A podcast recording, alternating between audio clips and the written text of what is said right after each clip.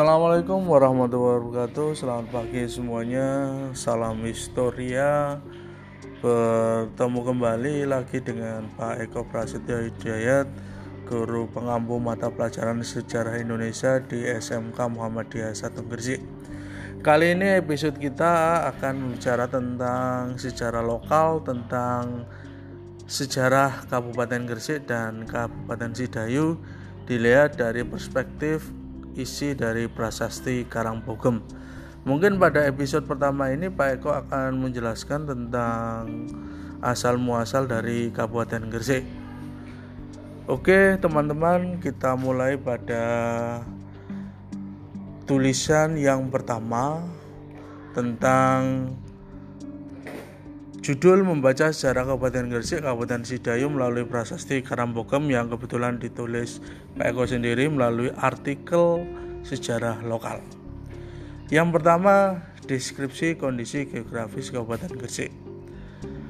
Salah satu sumber sejarah tertulis mengenai asal nama Gresik untuk pertama kalinya ditemukan dalam prasasti Karambogem.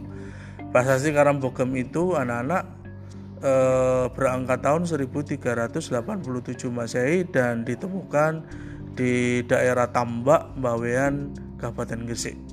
Lah, kira-kira isi dari bunyi prasasti Karambogem adalah sebagai berikut. Pada bagian muka bertuliskan Iku wurahane para mantri ing tiroh Arya Songga Pabayaman Arya Carita Purut Patih Lacer wurahane yen ingong amakihaken karange patih tambak karang pugem penangane kidul lepuh penangane wetan sadawanto anutuk segoro pisan. Konoto kawulaningong saking gresik. Warigalu ahutang saket rong laksa genep sapisane hasi kepuhyo sakti dalam galangan kawalu angha turokno tahia bacan bobot sewu sarahi atombak sesine tambahi akut akature ringong Hanato dagang anggon gondok amahat luputo toring arepuri saprokoro penoho tohyo ring pamujo. Pada bagian belakang bertuliskan Sategah Anita Sarotining warga Taman Sebumi titika 7 Citrowolu Andoko Kakatang. Kira-kira itu adalah tulisan dari prasasti Karangbogem bagian muka dan bagian belakang yang ber bahasa Sanskerta dan prasasti ini dikeluarkan pada masa Raja Hayam Wuruk yaitu raja yang terkenal di kerajaan Majapahit.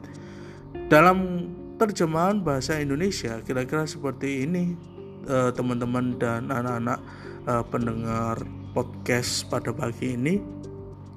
Pada bagian muka bahwa inilah surat yang harus diketahui oleh para mantri tira yang mulia Songga dari Pabayaman yaitu yang mulia Carita dari Purut, Patih Lacer.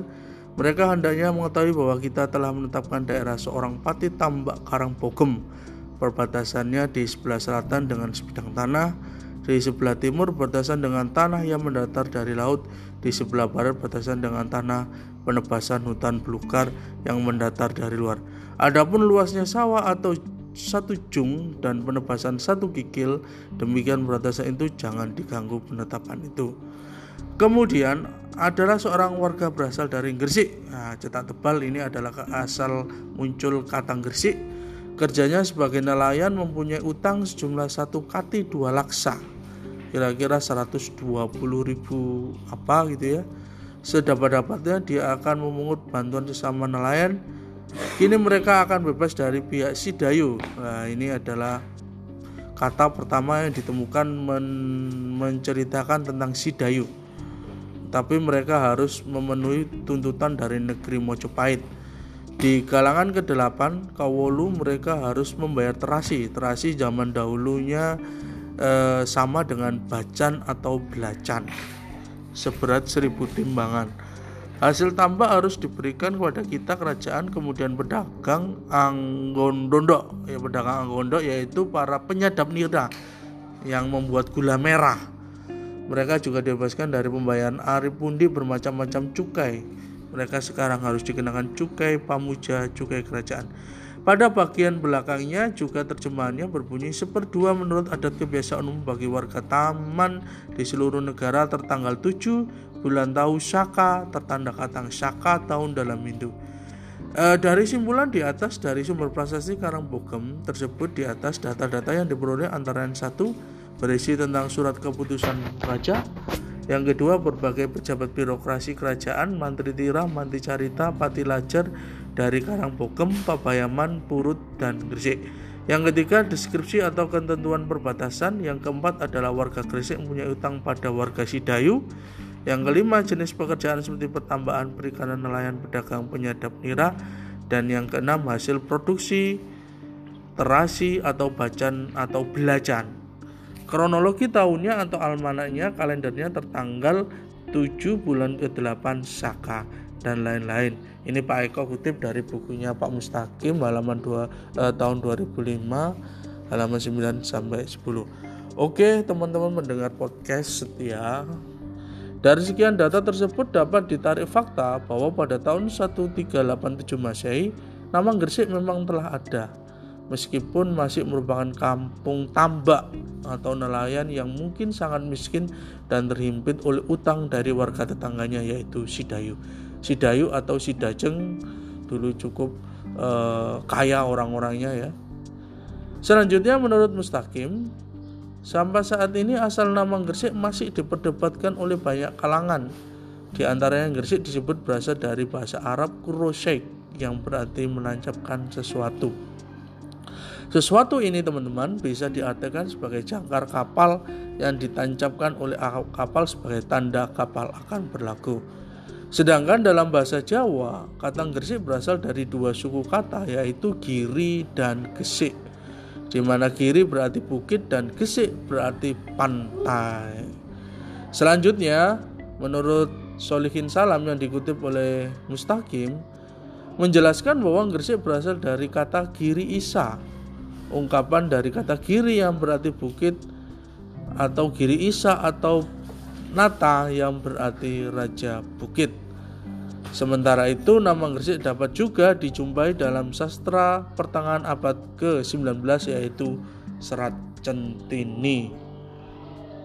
Selanjutnya teman-teman bahasa penikmat podcast pada pagi ini Gresik menurut cerita berita Cina disebut dengan Seishun atau Kersi dan ini dijelaskan dalam Encyclopedia Van and the Last Indies dalam bukunya Suryanto halaman 9, eh, tahun 91 halaman 25 yang berbunyi The Sination Common are read for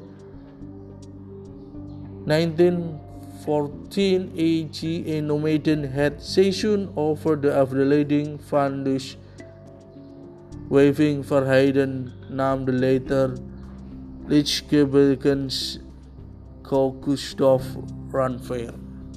KITF 7 Evergrades 5 1906 base 178 yang artinya dalam bahasa Belanda itu jika diartikan dalam bahasa Indonesia kedatangan orang-orang Cina sudah terjadi sebelum tahun 1400 Masehi. Dan menyebut nama Seisun tentang asal usul nama yang menarik ini arti harfiahnya adalah perkampungan kumuh.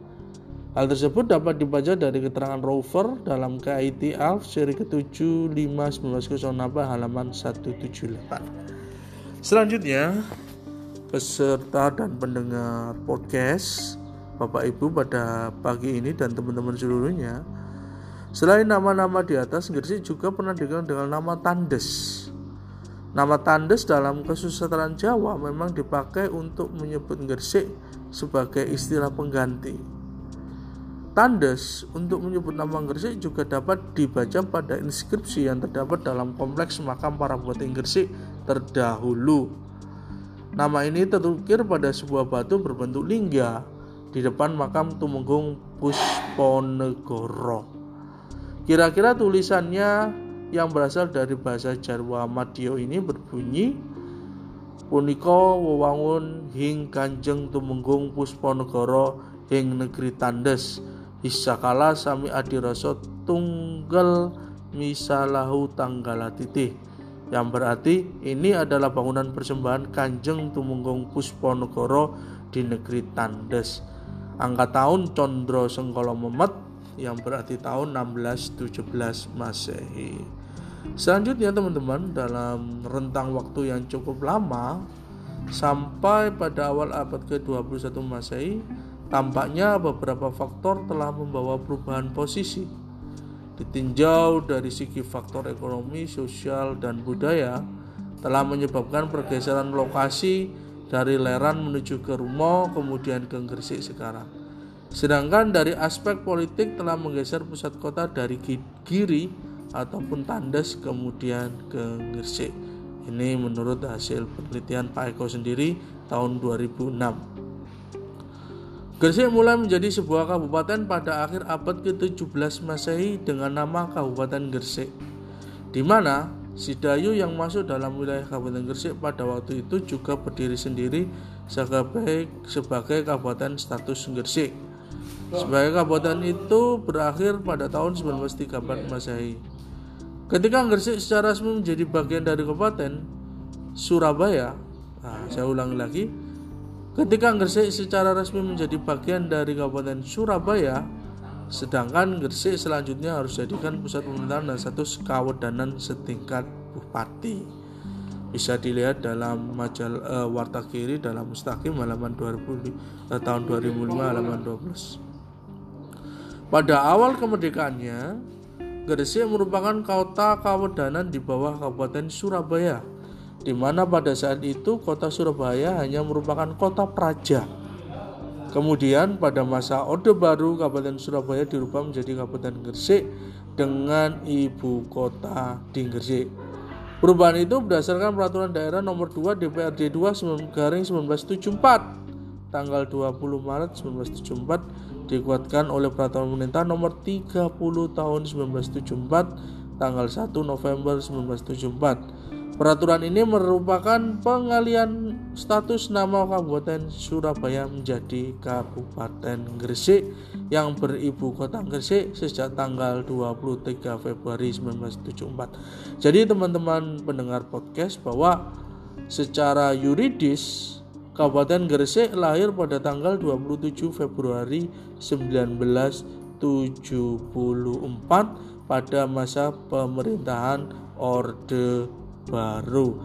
Hal tersebut ditandai dari peraturan daerah nomor 2 DPRD Seret 2 garing 1974 tanggal 20 Maret 1974 dan dikuatkan lagi oleh peraturan pemerintah PP nomor 30 tahun 1974 tanggal 1 November 1974. Selanjutnya, Gresik dipandang sebagai daerah kabupaten. Nah, maka batas-batas wilayahnya Kabupaten Gresik di sebelah utara adalah Laut Jawa, sebelah timur Selat Madura dan Surabaya, sebelah selatan Sidoarjo, Mojokerto dan Surabaya serta Lamongan di sebelah barat. Berkenaan dengan letak astronomis Gresik, Gresik berada pada 7 derajat 9 derajat 45 derajat lintang selatan dan 112 38 43 derajat bujur timur meridian Jakarta. Luas wilayah Kabupaten Gresik terdiri atas daratan di Pulau Jawa 977,80 km persegi dan Pulau Bawean 196,27 km persegi sehingga luas seluruh wilayah Kabupaten Gresik adalah 1174,07 km persegi.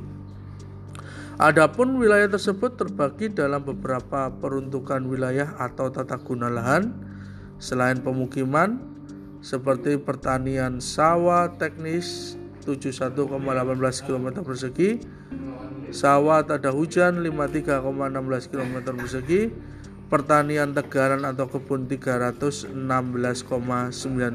km persegi, kemudian tambak ikan seluas 174,78 km persegi dan area hutan seluas 55,69 km persegi. Itu masuk dalam bukunya Harga Tiningsih penelitian arkeologis tahun 97-98 halaman kedua. Dapat disimpulkan pada pagi ini bahwa sebagian besar wilayah Kabupaten Gresik terdiri dari daratan rendah dengan ketinggian dari muka laut antara 0 sampai 25 meter dan di beberapa tempat sampai dengan 50 meter. Wilayah ketinggiannya antara 50 sampai 100 meter terkonsentrasi di wilayah kecamatan. Adapun Pemerintah Kabupaten Gresik sendiri terdiri dari 18 kecamatan mulai dari Pulau Bawean sampai daratan Gresik dan terdiri dari 357 desa kelurahan. Kira-kira eh, demi kira-kira itulah eh, hasil pembacaan prasasti Karambogem berkenan dengan asal usul Kabupaten Gresik yang pada kesempatan ini episodenya adalah tentang Kabupaten Gresik dan selanjutnya Pak Eko akan melanjutkan pada materi tentang pembacaan prasasti Karangbogem yang menjelaskan tentang uh, cikal bakal Kabupaten Sidayu yang pada akhirnya menjadi Kawedanan Sidayu. Terima kasih atas seluruh atensi uh, perhatiannya dalam menyimak podcast pada pagi ini. Semoga kita selalu diberikan oleh kesehatan oleh Allah SWT sehingga bisa menjalankan segala aktivitas dan tentunya di masa pandemi COVID-19 ini tetap menjaga protokol kesehatan dengan budaya 3M, memakai masker, mencuci tangan dan menjauhi kegiatan yang berkelompok atau melaksanakan kegiatan social distancing, physical distancing.